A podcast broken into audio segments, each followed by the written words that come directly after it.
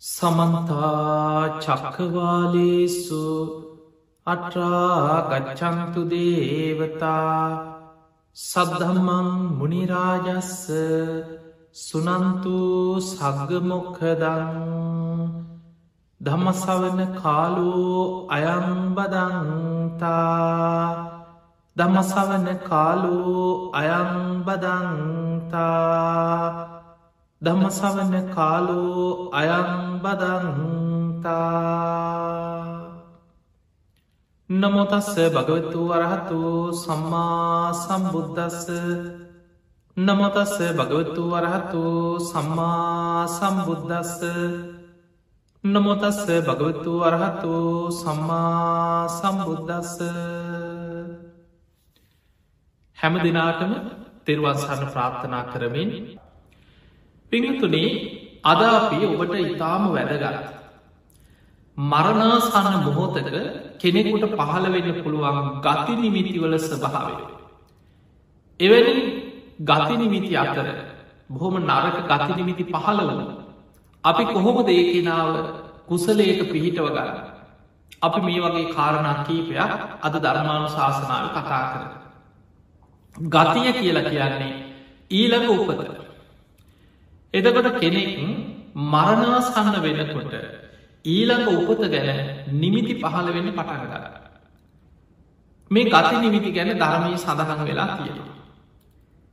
සමහර වෙලාවට මරණාසන්න කෙන ඔබහල ඇති අනේ මට දෙවිවරු පේනු දිවිය රත පේනු අනේ සාධ සාධ කියල වැදගෙන ඉන්නයි කලාතුරකින් හැබ.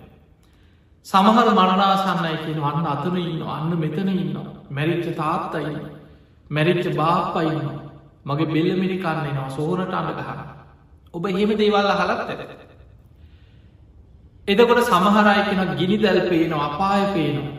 මා ඇදගෙන යනව පේනවා. අයෝ මට වද දෙනවෝ කිකි කෑගහන මේ මරණාසන්න කාල.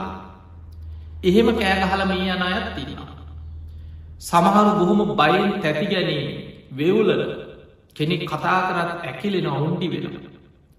එහෙම මරණාසන්න කාලෙ නිමිති පෙන්නලා මැරෙනයි. එතකොට එහෙනම් අපිට පේනෝ මේ මරණාසන්න මොහොතේ කෙනෙකුට යම් යම් දේවල් යම් නිමිති සටහන් අනිත් අයට නොපෙනෙන දේවල් පේන පුළුවන්කම තියෙන. ඒ නිසාපි දන්නව සමහර දැ මේක වෛද්‍යවරයට පේනවා නෙමෙන. ළඟ ඉන්න මිසීලට පේනවත් නෙමෙන. උපස්ථාන කරන කෑමටික කවන දරුවන්ට පේන නිමිති නෙමෙයි. මරණාසන පුද්ගලයටයි ඒ නිමිති පහළ වෙන්න පටගන්න. මතක තියාගන්නේ නිමිතිවල එක ලක්ෂණයක් තමයි තමම්ම කරපු කියපු දේවල් එක්ක ඒ ජීවිතය වෙන්න පුළුවන් පෙර ජීවිතයක වෙන්න පුළුවන්. ඒවා ආසන්න කරණ හැටියට බලවත් වෙලා ඒ මරණාසන්න මොහොතේ ඊළඟ උපත ගැන නිමිති පහලමක් සිද්ධ වෙන. මේවට තමයි ධර්මී ගැන ගති නිමිති කියලා. ඊළඟ ගතිය ගැන නිමිති පහළ වෙන.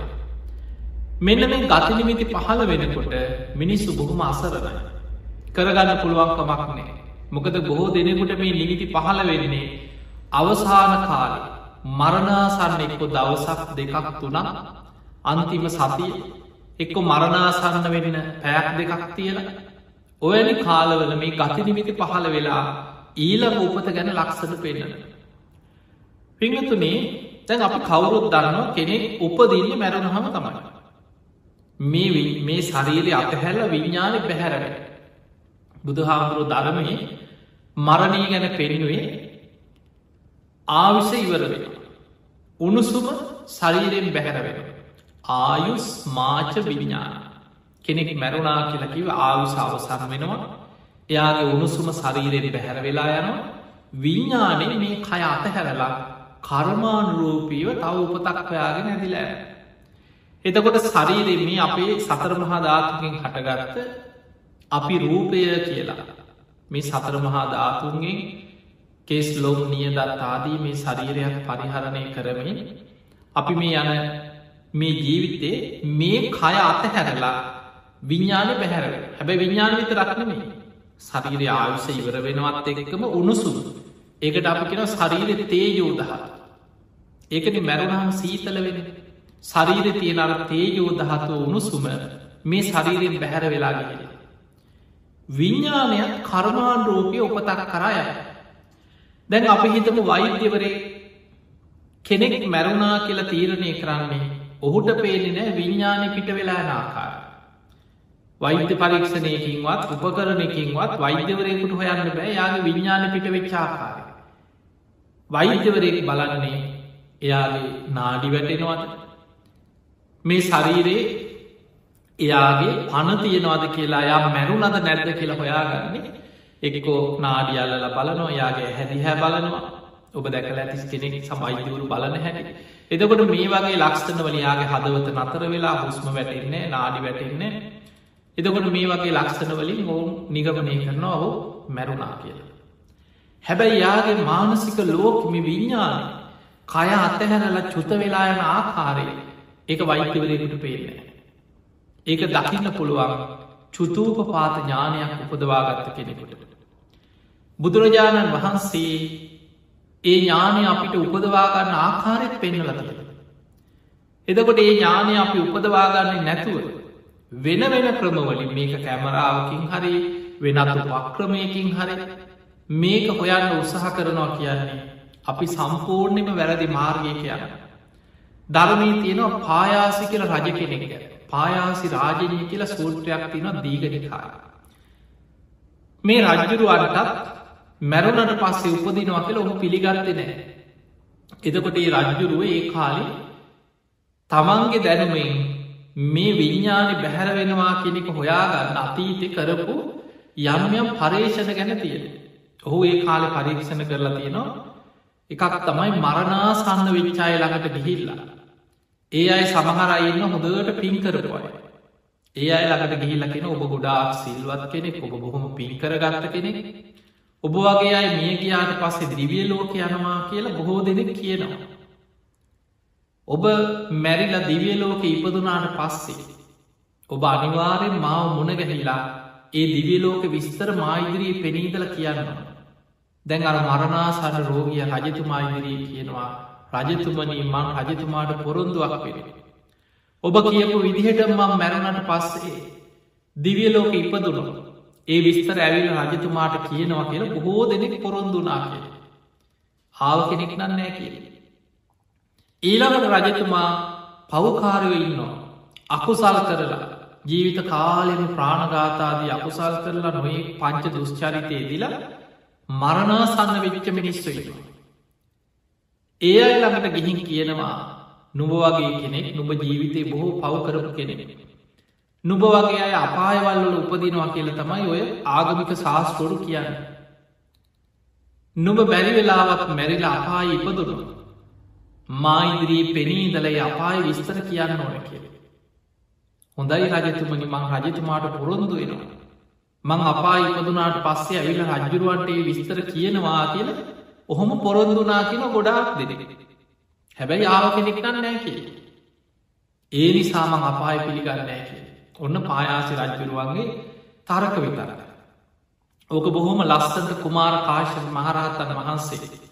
ධර්මානුකූලව රජතුමාගේ මේ මිනිතිය අදහස් සියල්ල කණ්ඩනය කරලා රජතුමාව සම්මාධිත්‍යය පිහිටෝට දේශනාව දීගනිකාය තියෙන පායාසි රාජනය කියල සූරුටය. ඒවගේම අතීතය සමහර රජවරු මේ විඤ්ඥාන ගැන හොයන්න. ඔවුන්ට පේනෑ මැරුණට පස්සේ උපදිනාකාර විඤ්ඥාන ඔවුනුත් වැරදි උපක්‍රමයද සමහරු මරණාසන්න ඒ වෙනකොට දැ මරණ දණ්ඩනය නියම වෙච්ච මිනිස්්‍රීනන් රජ්ජුරුව ළඟ ඉන්නවා අපරාධකාරය හොරු නොඒක් විදිහ වැරදි කරපු මිනිස්තුයි. රජතුමා ගෙනහල්ලා වදකාකාරය දාලා තියාගෙනන්නවා නියමිත දවසේ මරණ දණ්ඩනය දේ. ඒ වගේ මිනිස්සුන්න මේ පරීක්ෂණ සඳහා ඒ කාය රජවරු යොදාගත්ත. ඒ මොකද කරන්නේ සමහ රජවරු ලොකු භාජනයක් අරගෙන හොඳ විශාල භාජනයක් සිදුරක් නැති භාජනයක් හදවට. හදලා මේ අපරාධ කාරයවර භාජනය ඇතුළට දාලා පුංචි සිදුරක් තියල පොඩි සිදුරක් තියල. තියල මෙතනින් බලාගට ඉන්න ඔහු මැරුණට පස්ස ඔහුගේ විඤ්ඥාන මෙතනින් චුත වෙලා යන හැකි බලන්න. අර භාජනයට දාලා වහලා ඔහු මැරෙන් අරගෙන. තින් බලාගෙන හිටියකි නවා ගිය විඤ්ඥානය පේන නෑකි. ඊට පස්සම අයි හිතාගත්තා ඕක බොරුවක් විඤ්ඥාන කියල එකක් චුතවෙනි නෑ කිය. එතකොට ඔය වගේ එක ඒක වැරදි දෘෂ්ටිවලින් තමයි ඒ කාලෙ බොහෝ දෙනේ මරණින් මත්තය උපතක් නෑ කියල තීරණය කරගත. ඒක දකින්න ඔය වගේ ක්‍රමවලින් නෙමෙයි. බුදුරජාණන් වහන්ස පෙන්නවා ඒක බුදුහාමුදුරුව විතරක්ම මේ ලෝකෙ දකින දෙයක් නෙමෙයි. ඒ නුවන ශ්‍රාවකයන්ටත් උපදවාගන්න පුළුවන්. ඒ ක්‍රමේ බුදුරජාණන් වහන්සේ අපිට කියල දුන්නා.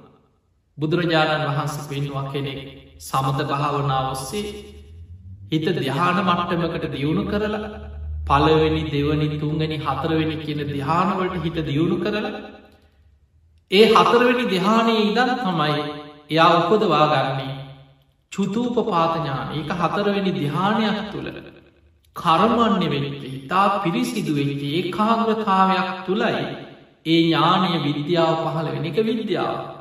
ඒ අවබෝධයක්. ඒ විද්‍යාවේ නුවන පහළ වෙනකොට අන්නේ නුවනින් දකින්න පුළුවන් කියනවා කෙනෙක් මැරෙනකොට කර්මාන්රෝපය උපත කරායන ආකාරය. ඒ නුවන තමයි චුතූප පාතඥාන අන්නේ නුවනින් තමයි දකින්න මේ මැරෙන කෙනා ඒ මරණ මොහොතෙ මොකද මොන්න තරම් වේගයන්ට කියල බුදුහාන්දුරුව පෙන අපිට හිතා ගන්න බෑ. චිරිතක්ෂණයයි කිර වෙනස. ඒ මොහොතේ ඔහු චුත වෙනකොටම සැනි කර්මාන්රූපිය ඔහුගේ උපත ඊළඟ තැන පහළ වෙනවා එදකොට මේ තරම් වේගෙන් සත්‍යයා මේ කය අතහැල්ල තවත් කොහේ හරි උපතකට යන. එදකොට අපි දන්නම් මැරුණට පස්සේ මේ කය අතහැරල යනකොට ඒ කෙනා ඊළඟ උපත කොහේ හරි කර්මාණ්ඩෝපිය ඔහුට ලැබෙන. නමුත් පේනතුනේ මැරෙන්න්න කලින් ඉඳා ඊළඟ උපත ගැන ලකුණු පහළ වෙන්න පටන් ගන්න. එක හැමෝටම නොවන වෙන්න පුළුව. මේක මේ හැමෝටම සාධහරණයි කියලා කියන්න පුළුවන්කමක් නැමක සමහරයට එහෙම පේනෑ. බොහෝ දෙනෙකුට මරණාසරණ කාලව ගති නිමිති පහළ වෙන ලක්සන තියෙන. එදකොට කෙනෙක් මරණාසන්න අන්තිම කාලේ ඊළඟ භවය ගැන ඊළඟ උපත ගැන ඔහුගේ කර්ම සකස් වෙලා තියෙන ඊළඟ උපත ගැන නිමිති පහළ වෙලා නිමිති පේන පටන්ට අන්න ඒවට තමයි ධර්මී කියන්න ගති නිමිති පහළ වෙනවා කියලා කියන්න. පිංහතුනේ අපි ඉස්සල්ලා බලම සුගතිය ගැන යහපත ගැන. බුදුරජාණන් වහන්සේ පෙන්න්නනවා කෙනෙක් ඉන්නවා බොහෝම සිරි රකිනවා. කය වචනය සංහොරයි. බොහොම සිල්වත් ජීවිතයක් අත කරන. එයා මනසිනුත් එහෙමයි කාටවත් වෛර කරන්නේ දවේශ කරන්නේ ඉරිසියා කරන්නේ මෛත්‍රීසිත වඩන යා බොහෝ පින්කර ගත කෙනෙ. මෛත්‍රිය පිනාතර අක්්‍රම පින. එයා සුගතියේ දිවියලෝක යන ආකාරයට පින් රැස් කර ගත්ත කෙනෙ. ඊළඟට එයා සම්මාධිතිය පිහිටල කරම කරමඵල විශ්වාසය එතන විස්තර කරන්න බොහෝ තැන්වල ලෞකික සම්මාධිතිය. ලෝකෝත්තර සම්මාධිත්‍යය කැන චතුරාර් සත්‍ය අවබෝධය චතුරාර් සත්‍ය අවබෝධ කරගන්න කෙන කොහොමත් සුග ඉදිවී ලෝකෝද. උපරිම සෝවාන් වනත් ආත්මහතයි එයා නිවන් දකින. එතකොට එතනින් මෙහා පෘතජ්ජන කෙනෙකුට.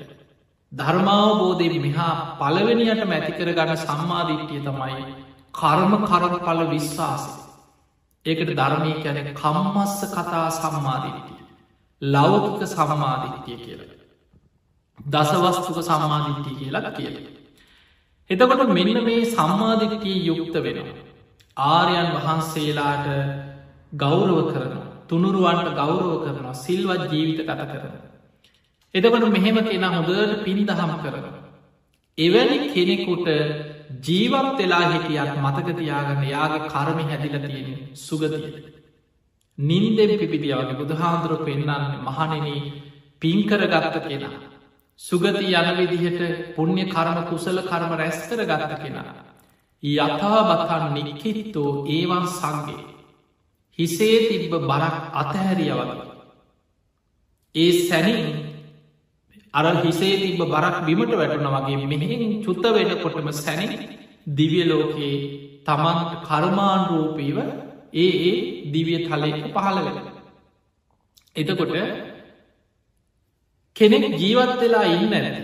මතක තියාගන්න මේක මේ මරණාසන්න කාලි ගතිනිමිති පෙවුනට හොඳට ජීවත් වෙලායින්න තරුණ වයස මැදිවයසි පවා හොඳට පින් දහම් කරද්දී පරලව හැදිල ඉවරද.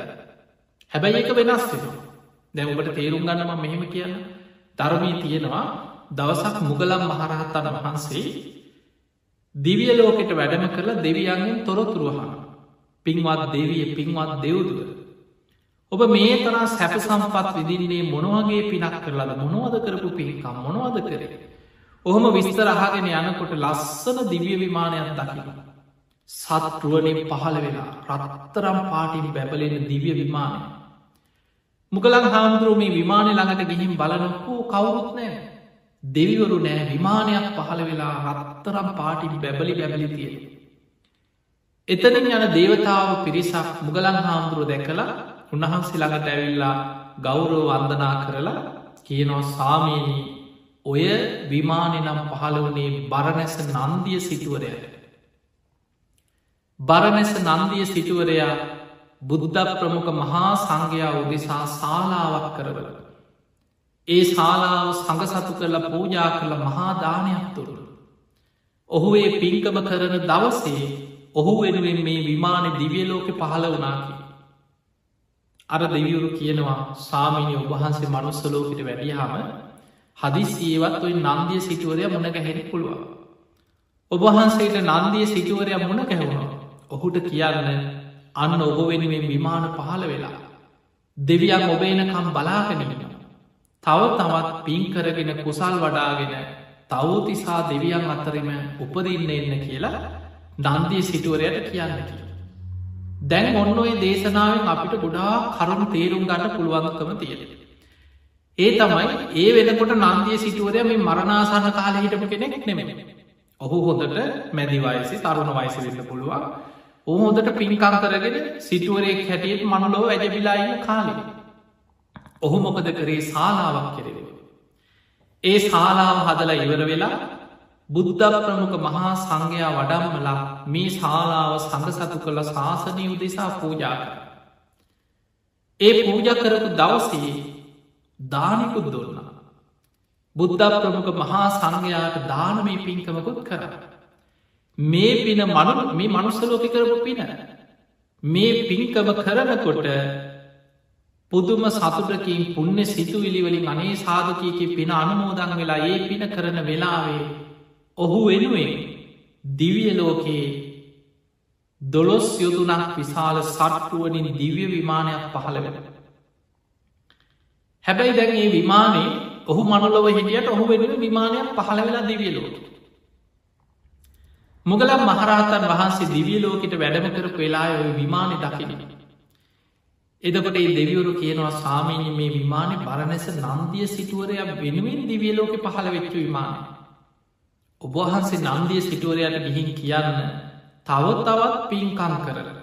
තව තවත් කුසල් දහම් වඩලා. තවතිසා දෙවියන් අතර මේ දිවිය ලෝකෙටම එන්න කියලා කියන්න කිය. අන්න එතන කාරණයක් තියෙන.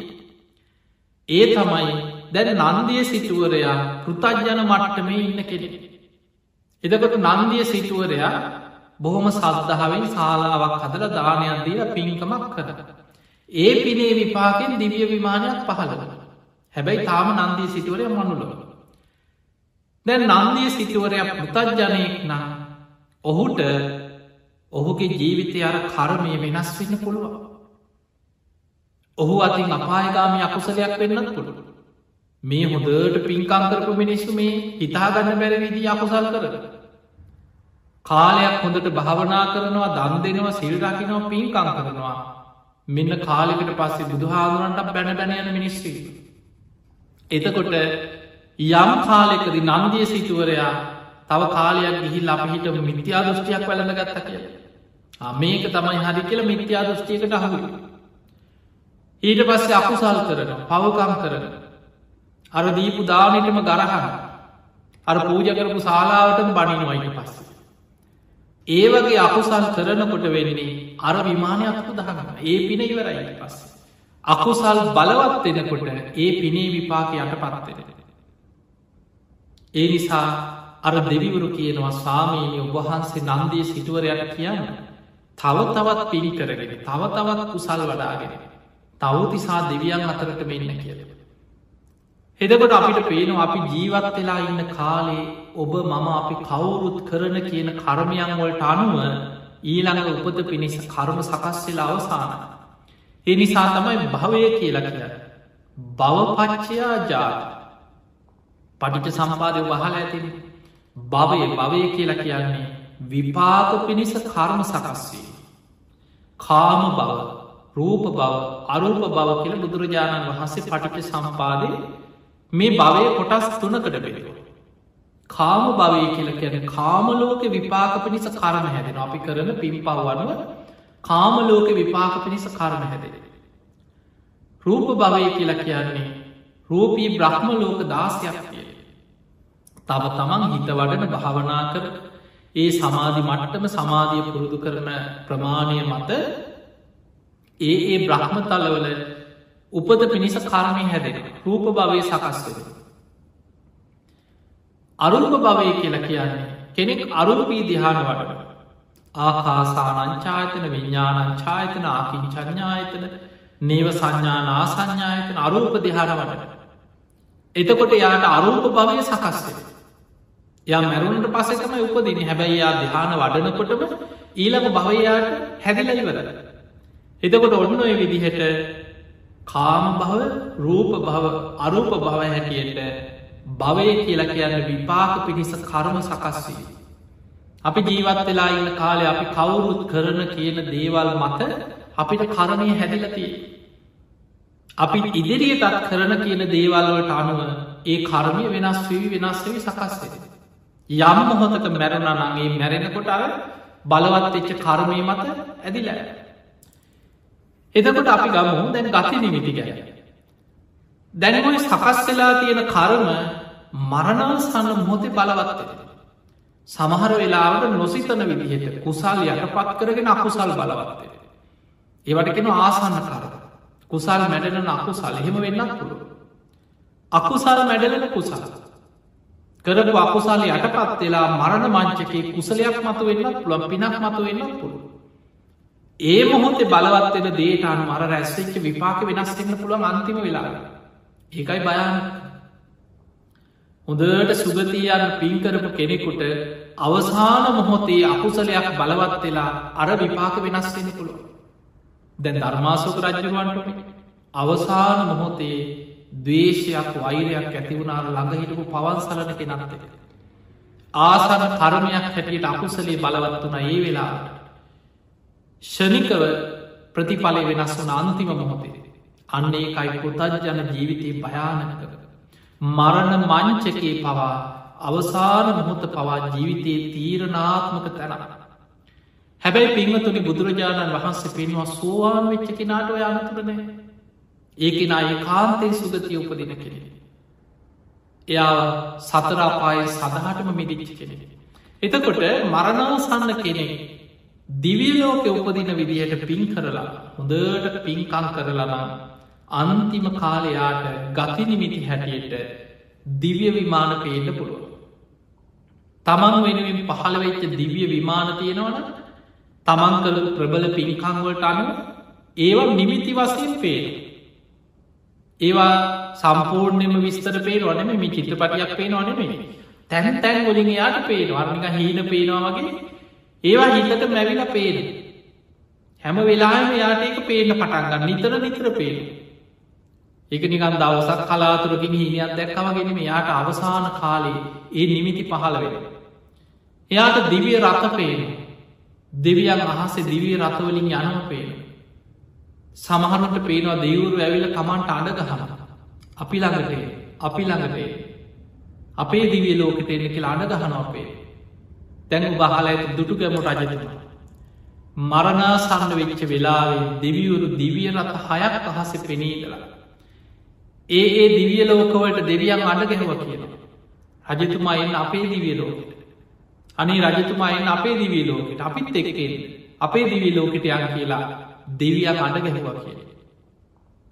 එදකොට අපිට පේනවා පින්කර ගත්ත කෙනාට මරණාසන්න මොහොතේ ඒ ගතිනිවිති පහළ වෙන. දුටු ගැම රජතුමා ගැන තියෙන රජතුමා පිරිත් අහා හිටිද අන්තිම වෙලාවේ දුටුගැම රජතුමා උත්සගේ නාවේ රුවන්වැලි මහා සෑය ළඟට. ඔබ දන්න ඔය කතා. රුවන්වැලි සෑය ළඟට උත්සගෙන එනකොට මේ රජු ඇවිදගෙන දුවගෙනාවන්නෙම ඇඳ පිටි එක තැන් වෙලා හිට අන්තිම මරණාසන්න වෙලා ඇඳ පිටිම්ම අමාත්‍යවරු පිරිස උත්සගෙන අනේ මා උත්සගෙන පලයල්ලාක මහා සෑලකට. ඒ වෙනකොට මහා සෑය වැඩ සම්පූර්ණයෙන් අවසන් නොවනා අවසං වෙච්ච විදිහට මවල හදල තිබේ අන්තිමට කොත් කැරැල්ල ලී දඩ තියලා සුදුරදිවලින් මොතල ඒ වෙනකොට සදහතිස්ස රජතුමන් දුටුගැමු රජතුමා වෙනුවෙන් මේ කාරය අවසං වෙච්ච විදිහ සම්පූර්ණයෙන් හිතහදන්න ඕන් නිසා මහා සෑ වැඩ ඉවර වෙච්ච විදිහට මවල අන්තිමටික හැද. චෛත්‍ය ළඟට උත්සගෙන එනකොට සුදෝ සුදුවට මහා සෑපේ නො පුතුම සතුට. සාධකාරදිදී බුදුගුණ කිය කිය වන්දනා කර. අනේ මා උත්සගෙන පලයල්ලාගේ මහා සෑ වටේ මා වන්දනා කරෝ පලකි. ඇඳ පිටින් චෛත්‍ය වටේම උත්සගෙන ගියා. මළුව කෙලවරකින් තිබ්බා. එක පැත්තකට හැරෙනකොට ඇතින් පේනවා ලෝවා මහපාය. තමන් සංඝයාට හදල පූජා කරපු ප්‍රාසාදය උපෝසතාකාරි පෝයගේ ඒ පැත්තට හැදිල සාධු කාරදිීල වන්දනා කර තව ඇතින් පේනම් මිනිස වැඩි චෛත්‍ය. සාධු කාරදිීල වන්දනා කර. රුවන් වැනි මහා සෑදිහා බලාගෙන තමන් කරපු පින්කන් සිහි කරනකොට අමාත්‍යවරේ පින් පොත ගෙනහලා රජතුමා කරපු පින්කං එකින්න එක එකින්න එක රජ්ජුරුවට සිහි කරල මරණාසන්න වෙලාවෙ පින බලවත් කර. ඒ වෙලාව රහතන් වහන්සේල පවා වැඩම කළ රජ්ජුරුවට පිරිත් කියන. පිරිත් අහගෙන වැදගෙන පිරිත් අහනකොට අහසේ දිවිවරු පිරිලා. දැන් අනිත් අයට පේනෑ ඉරදි බල සම්පන්න රහතන් වහන්සේලා හැබැයි දිවසින් දැක. රජතුමාට පේන අහසේ දෙවිවරු දිවිය රථවලින් පිරිලා අඩගහන වනේ රජතුමා එන්න අපේ දිවියලෝකට අපිත් එක්කයා නෑනේ අපි ළඟට එන්න කියලා. දැන් වැඳගෙන බණහන රජ්ජුරුවන්ට මේක හොඳට පේනවා.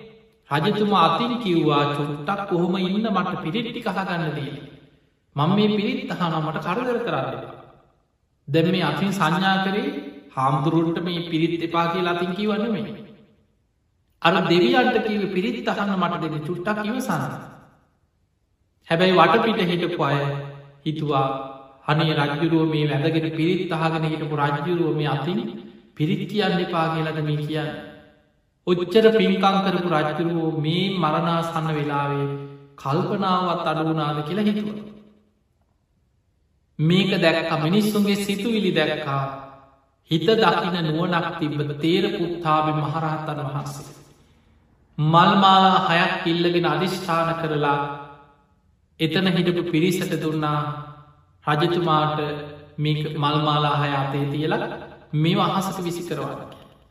අර මල්මාලා හය අහසට විසි කරනවා සමගම අහසට පැනනැ කළ දිවිය රත හයේම වෙන වෙනම දැවටම. දැම් මිනිස්සුන්ට අහස දිහා බලනකොට දෙවියම් පේන්නේ සාමාන්‍ය මිනිස්සුන්ට දිවිය රත පේෙන්නෙත් නෑ. හැබැයි අහසේ මල්මාලා හය එල්ලිලා තියෙනවා පේෙන. අන්න මිනිස්සු දැනගත්තානේ අපි දැක්කි නැති වුණාට මේ අහසේ දෙවිවරු පිරිලා අපේ රජතුමා කියන්න දෙවිවරු ඇවිල්ලා. රජතුමාට පේ ඔය වෙලා තමයි පිරිත් අහලා ඉවර වෙලා රජතුම අහන්නේ සාමීනී මේ දෙවිවරු දිවිය රත හයකින් මට අඩගහන. මෛත්‍රී බෝසතාණන් වහන්සේ දැන වැඩඉන්න මොන දිවී ලෝකෙද කියලව. රජතුමනී තුසිත දෙව්ලෝකි. එහෙම නම මමත් මෛත්‍රී බෝසතාණන් වහන්සේ වැඩඉන්න තුසිත දෙව්ලෝම හිත පිහිටෝනවා කියල හේම වැඩගත්තා. නින්දෙන් පිපිදිය වගේ තුසිත දිවිය ලෝකෙන් ආපු දිවිය රතේ පහළ වනාට හොම තම අප ඉතිහාසතිය. තැන් ඔබට හිතන ඔය ඉතිහාස කතාවන්න කිය. බුදුරජාණන් වහන්සේගේ කාලේ සැවත් නුවර දම්මික කියල සිටුවරේ ඔය වගේම සිදුවීමක් තිය. ඔහුත් මරණාසන්න වෙච්ච වෙලාව දිවිය රත අහස පෙනීද ළඟ ගැහවකෙන සිතතුම අපි ළඟට අපි ළඟට අපේ දිවිය ලෝකට ඒමන අපිට පේනවා පින්කරපු කෙනාට අවසාන කාලෙ ගති නිමිති හැටියට ඊළඟ උපත ගැන ඔය නිමිති සටහන් පහළ වෙන ඒවට කෙනම ගති නිමිති කියල ඊළඟට පිංහතුනි ගති නිමිති හැටියට අකුසල් කරපු කෙනෙකුට අපි ගමු පවකං කරපු කෙනෙකුට නිරේ යන විදිහටම කර්ම රැස් කරලන ඔබහල ඇති දනංජාන කියලා සූත්‍රයක්තිය. මේ දනංජාන කියන බමුණා පව්කං කරලා අකුසල් කළ බොහෝ පව්කරගත පවකාරය. අන්තිම වෙලා ගිනි දැල් පෙවුණක් කිය. තමන්ට දැනෙනවා කවුරු හරි මේ හිස වටේට කඹයක් වෙලලා. කිට්ටි කිට්ටිගාල හිර කරනවා වගේ තමන්ගේ ඔළුව වටේට කඹයක් වෙල්ල හිර කරනවා වගේ දැනෙන. උල් පිහිවලින් හිස්මුදුන පලනවා වගේ තේරෙන. මස්කපට පිහිගෙනල්ල තමන් වල්ලගෙන බඩවැල් තීරු තීරු කපනවාගේ වේදනා උපදින. හතර දෙනෙක් උත්සගෙන ගිහිල්ලා ගිනි අඟුරු වලකට දාලා තමන්ම පුච්චනවාගේ තේරෙන. දැන් මේ පහළ වෙන්න ගති නිමිති ඊළඟ උපත ගැන නිමිති පහළව. ඔය වගේ දේශනාවලති ඔබ හලති ඕන තරම් ඔය වගේ සිදුවී. වර්තමානය පවා සමහරය මරණාසන්න අය කියනවා. අන්න අතද ඉන්නවා මාව එකං යනම් මට ලෝදිය පෝනෝ මට අනිනවා. ආයුධවලින් මාව කපන ඔය වගේ සමහරන්න සමහරයි සතියත් දෙකක් කෑගහන මාව පුච්චන වූ මාව ගිනිගන්න වූ ගේ ගිනිගන්න වූ කියල කෑගහන අපිට ඕන තරන්න ඔය වගේ අත්දැකින් තියෙන සමහර මරණාසන්නය උත්සගදෙනවා අපි ළඟට. බොහෝ වෙලාවට දවසක් මට මතකයි දරුව ඇවිල්ලා ඒ තාත්ත මැරිලා. ඒ තාත්ත වෙනුවෙන් රෝධපුටු දෙකක් පරිත්‍යයා කළ. දරුව කිවන්නේ හාමුදුරන්නේ තිමන් තාත්තට පිළිදුන්න. ඒ රෝධපුටු දෙක පරිත්‍යයා කරලා ඉතින් ඒ තාත්තගේ නම ලියල මට පොලයක් දුන්න හාමුදුරන්නේ කාටරය අසමන කෙනෙකුට පූජ කරන්න තාත්තට පින් දෙන්න කියලා. ඉතින් තාත්තට පින්දුන්නට පස්සේ දරු තුන් හතර දෙන හිටියා ඒක ළමෙක් ඉතින් කිව්වානේ හාමුදුරන්නේ තාත්තරන් ඉතින් පින් ගන්න තැනක නැතුව ඇති කියලා. ඊට පස්සේ මං ඇහුව ඇයිඒ කියලා. හාමුදුරනය ඇත්තම කතාව අපේ තාත්තා හරියට පව්කරපු කෙනෙකි. අපි දන්න කාලෙකුවත් තාත්තා පිනක් කරගත්ත කෙනෙක් නම් නෙමෙයි. තාත් අන්තිමට මැරුණේ සතියක් දෙකක් තිස්සේ කෑක ගහයි කිය කිව දොරාරින්න දෙන්නෑ කිව. දොර ඇරපු හම කෑ ගහනවලු ගින්දරේනුවෝ මාව පිච්චෙනවෝ දොරහ පල්ලා කියල කෑගහන. ජනේලයක් අරිනට කෑ ගහනකව ගේ ගිනි ගන්නුවෝ ගින්දරේනුවෝ එලියෙන් ගින්දරේනුවෝ කියල. රෑ තිස්සේ කෑ ගහනවා කිව. මගේ අතපය කපනුවෝ මාව ඉරනුවෝ කියතකින් මාව කපනුවෝ උල්ලොලින් අනිනුවෝ කියකි කෑගහන. ඇඳ වටේට යම පල්ල පිරිලයින්නවා කියලා කෑගකහ හෝතියතිය කියනවා කිය. හිටි ගමම් මහරය කෑගහනවලු මගේ බඩ පිච්චෙනෝ දිව පිච්චෙනෝ මට ලෝදිය පෝනෝ කියල කෑගහන ඔහොම කෑගහල සතියත් දෙක කෑගහරදල තමයික තාත්ත මැරෙන එදකොට බලන්න කෙනෙගේ ජීවිතයේ තමන් රැස්කර ගත්ත දේවල් මරණාසාන කාලින් නිමිති පහළ වෙන ඒවට ධර්මී කියැන ගති නිමිති කියලා. ඒ වගේ නිමිති පේල්ල පුළුවන් මරණාසන්න කෙනෙකුට අපාය සහගත නිමිති පහළ වෙනවා. නිරේ යන්න නං ඊළඟ උපත පිරිස කරමය හැදිල තියෙන්නේ ඔය වගේ නිමිති පහළ වෙන ඒවටකින ගති නිමිති පහළ වෙනවා. ඊළඟට කෙනෙක් මරණා සන්න වෙනකොට එයාගේ කරමය හැදිලා තියෙන්නේ තිරිසන් ලෝකෙට නම් අප හිතමු යා තිරිසං අපාය යන විදිහට කර්ම රැස් කරගත කෙනෙ. එයාගේ උපත තියෙන මැරිලා තිරිසන් ලෝකය උපදින්න නම්. එයාට මරණාසන කාලී බිය තැති ගැනීම බහුලෝ දැන බියයි තැති ගැනීමයි. පිංහතුනි ධර්මී තියෙනවා තිරිසල් ලෝකයේ තිරිසන් සත්‍යයන්ට වැඩිපුරම දැනෙන්නේ බිය තැති ගැනීම කිය. ඔබ මේක ඔබට ඔ මේක හොඳට තේරුම් ගන්නල ඔබ බලන්න සත්ත ලෝක සභාව තිරිසන් ලෝක කැන අපිට නිරේ ප්‍රේත ලෝක පෙවුත් නැතිවුණාට තිරිසත් සතුන් ඇහැට පේන්න ඉන්න සත්තුකොට සකින්නවන මේ හැම සතයකම ජීවිතේ පුංචි සතා තව සතයක්ක ගොදුරා. ඒ සතා තවත් ලොකු සතෙක්ක ගොදුරා. ඒ සතා ඊටත් වඩා ලොකු සතෙක්ක ගොදුරා. එක ඒක සත්‍යයන් ගොදුරු කර ගනිමින් ජීවත්වෙන අපායක් තිරිසං අපාය. කුසගින්න වෙනුවෙන් ඒ ඒ සත්‍යයම් මරාගෙන ගොදුරු කර ගනිමින් ජීවත්තය. හැම වෙලාම මරණ බයත් එක්ක මේ සත්‍යයන් ඉන්න තැති ගැනීම. මරණ බය කියනික ඔවුට දැනෙන. තැතිගන්න බයයි. ඒක හැම සතෙක් තුළම තියෙන ද බලන්න පොඩ්ඩි සත්‍යයක් කාව එක පාට තැති ගන්න සමතු. ඇකිලෙන නිදාගෙනන්න සතයික ඇකිල එක්ක එක පාට පැනල දුවන. ගුහාාවකන සැනින් ගුහාාවකට රිංග ගන්න ඇතුළට රිංග ගන්න. පීඩන මාළු ගැන හිතන්න පොඩි කලක් දාල බලන වතුර ටිකට. සැනින් වේගෙන් එහාට මෙහට කියල කොහරි හැඟෙන තැනක් වැඩ. පුංචි සරදයටත් පොඩි දේකට ගහකත්තක් කැඩුනත් පියාවන සතා සැනින් බයවෙලා ඉහලට පියාම. දුවන සතා දුවන හැන්ගෙන සතා හැන්ගෙන. පීනන සතා සැනින් පීනල අස්සක හැන්ගෙන තැනක් ඔයාගන්න. හැම වෙලාවෙම මේ තිරිසං සතුන් මරණ බය තැති ගැනීම ජීවිතය ලොක තැති ගැනීමක් එක බියෙන් තැති ගැනීමෙන් ඔවුන් ජීවත්ත. ඒක තමයි අපායි ස්වභහා. මරණාසන්න වෙනකොට ජීවිතයේ තිරිසං අපායට යන විදිහට කරම කරපු කෙනෙක් න. බුදුහාමුදුරු පෙන්වා ජීවත් වෙලායින්න කාලෙ කයින් දුෂ්චරිතය කායික දුෂ්චරිතය කියන ප්‍රාණගාත කරනවා හොරකං කරනවා වැරදි කාම සීවනය දෙනවා. ඉළඟට වචනය බොරු කේලම් පරුස වචන හිස් වචන. හිතේ ඉරිසියා කරනවා වෛල කරන අනු නැසේවාකික අනුට සාප කර කර දැඩි මිත්‍යා දෘෂ්ටික අදහස්සද පිහිටලයින මේ වටිකන දසාකුසා. තුනුරුවන්ට ගරහනවාන් තියෙන පවකං කර කර ගොඩාක් මේ ප්‍රාණගාතාදී අකුසල් කරපු අය. තිරිසන් සතුන් අතර උපදින්න ගොඩා හේතුවෙන කර්මයක් තමයි තිරිසන් සතුන්ට හිංසා පීඩා කිර.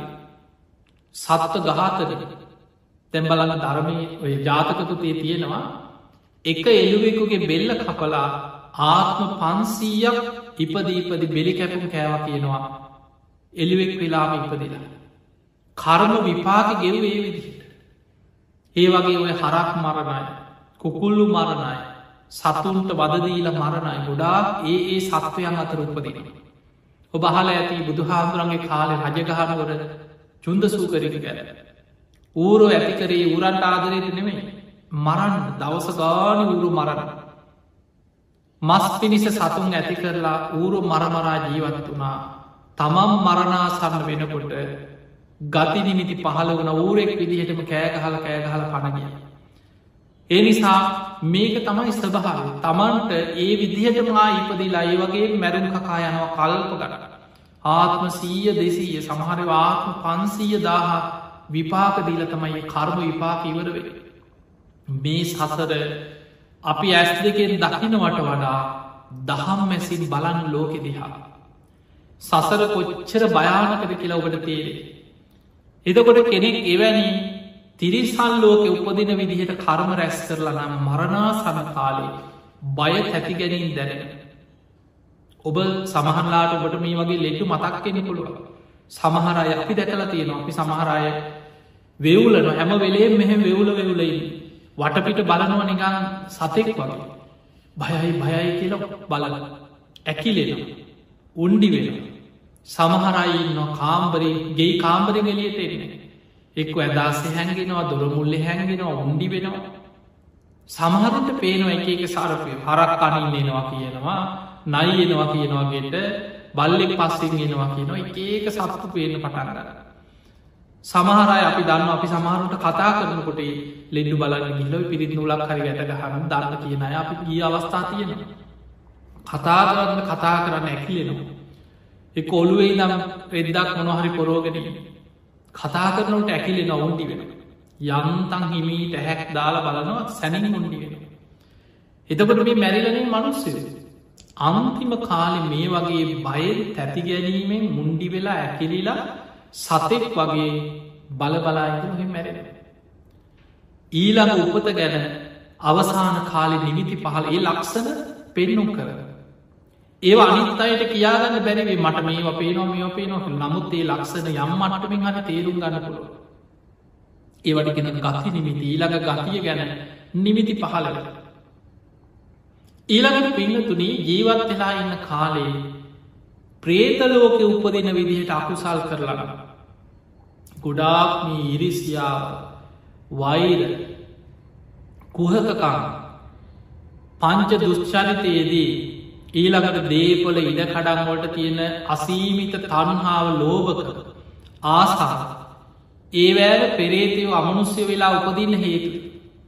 ගොඩාක් අය තමන් ඉඩ කඩන්නකොට නඩු කියාගෙන වෛර පැදගෙන සාප කරගෙන දේවාලගානය අනුන්ට ඌනියන් කර කර ඕවම තමයි ගොඩක් ජීවිතවල ඔබ බලනව ගංගුල ජීවත්වෙන සාමාන්‍ය මිනිස්සුකි ජීවිත. හැම වෙලාවෙම අනුන් එක්ක වෛරයෙන් දවේශයෙන් ඊරිසියා කර කර වෛර කර කර අනුන්ට සාප කර කර තව කෙනෙක් හරියනකොට කෙනෙක් දියුණු වෙනකොට ඇස්වල කටුවනිනවාගේ සාමාන්‍ය මිනිස්සුට ඒවෑ ප්‍රතිඵල ප්‍රේත ලෝකයට කරම හැදෙන. සමහරලාවට ඒ ඉඩ කඩන්ගොලම අමනුස්්‍යය වෙලා ඒවට ආසා විපදින. ඒ ගෙවල් දොරුවල්ලම මලයක්ෂයෝ ප්‍රේතියෝ වෙලා උපදින. එදකොට මේ වගේ නොයේ ප්‍රේතාත්ම ගැන සඳහගෙන අපි දේශනාවල කතා කල තින ප්‍රේත කොට්ටාස ගැන. එදකොට යම් කිසි කෙනෙක් මේ වගේ කයින් දුෂ්චරිතයේදිලා වචනින් දුෂ්චරිතයේදිලා මනසින් දුෂ්චරිතයේදිලා නිතර පවකං කරලා ඉරිසියා වෛරයේ ක්‍රෝධය තුළ ජීවත් වෙලා තන්හාාවෙන් ලෝභකමින් ජීවත් වෙලා මරණාසන්න වෙනකොට. එයාගේ කරම හැදිල තියෙන ප්‍රේතාපායටන එයාට ගති නිමිති හැටියට ඒ නිමිති පහළ වෙන. සමහරුට අමනුස්්‍යයෝ පේන්න පටන්ග. අර මැරිච්ච ප්‍රේතලෝකවල ඉන්න තමන්ගේ ඥාතීන් පෙනීන්නවා. සමහර ගොඩක් අයිටේ ලක්සඳ තියෙන. ගොඩක් අයිකෙන අපේ මැරිච්ච තාත්ත පේනවා. මැරිච්ච බාප්පයින මැරිච්ච අම්මයිනවා මේ ඇඳලඟ ඉඳගෙන ඉන්නවා කියනවා. අර ඇදේ කෙරවලින් ඉන්නවා කියනවා. අඩගහනවා කියනවා.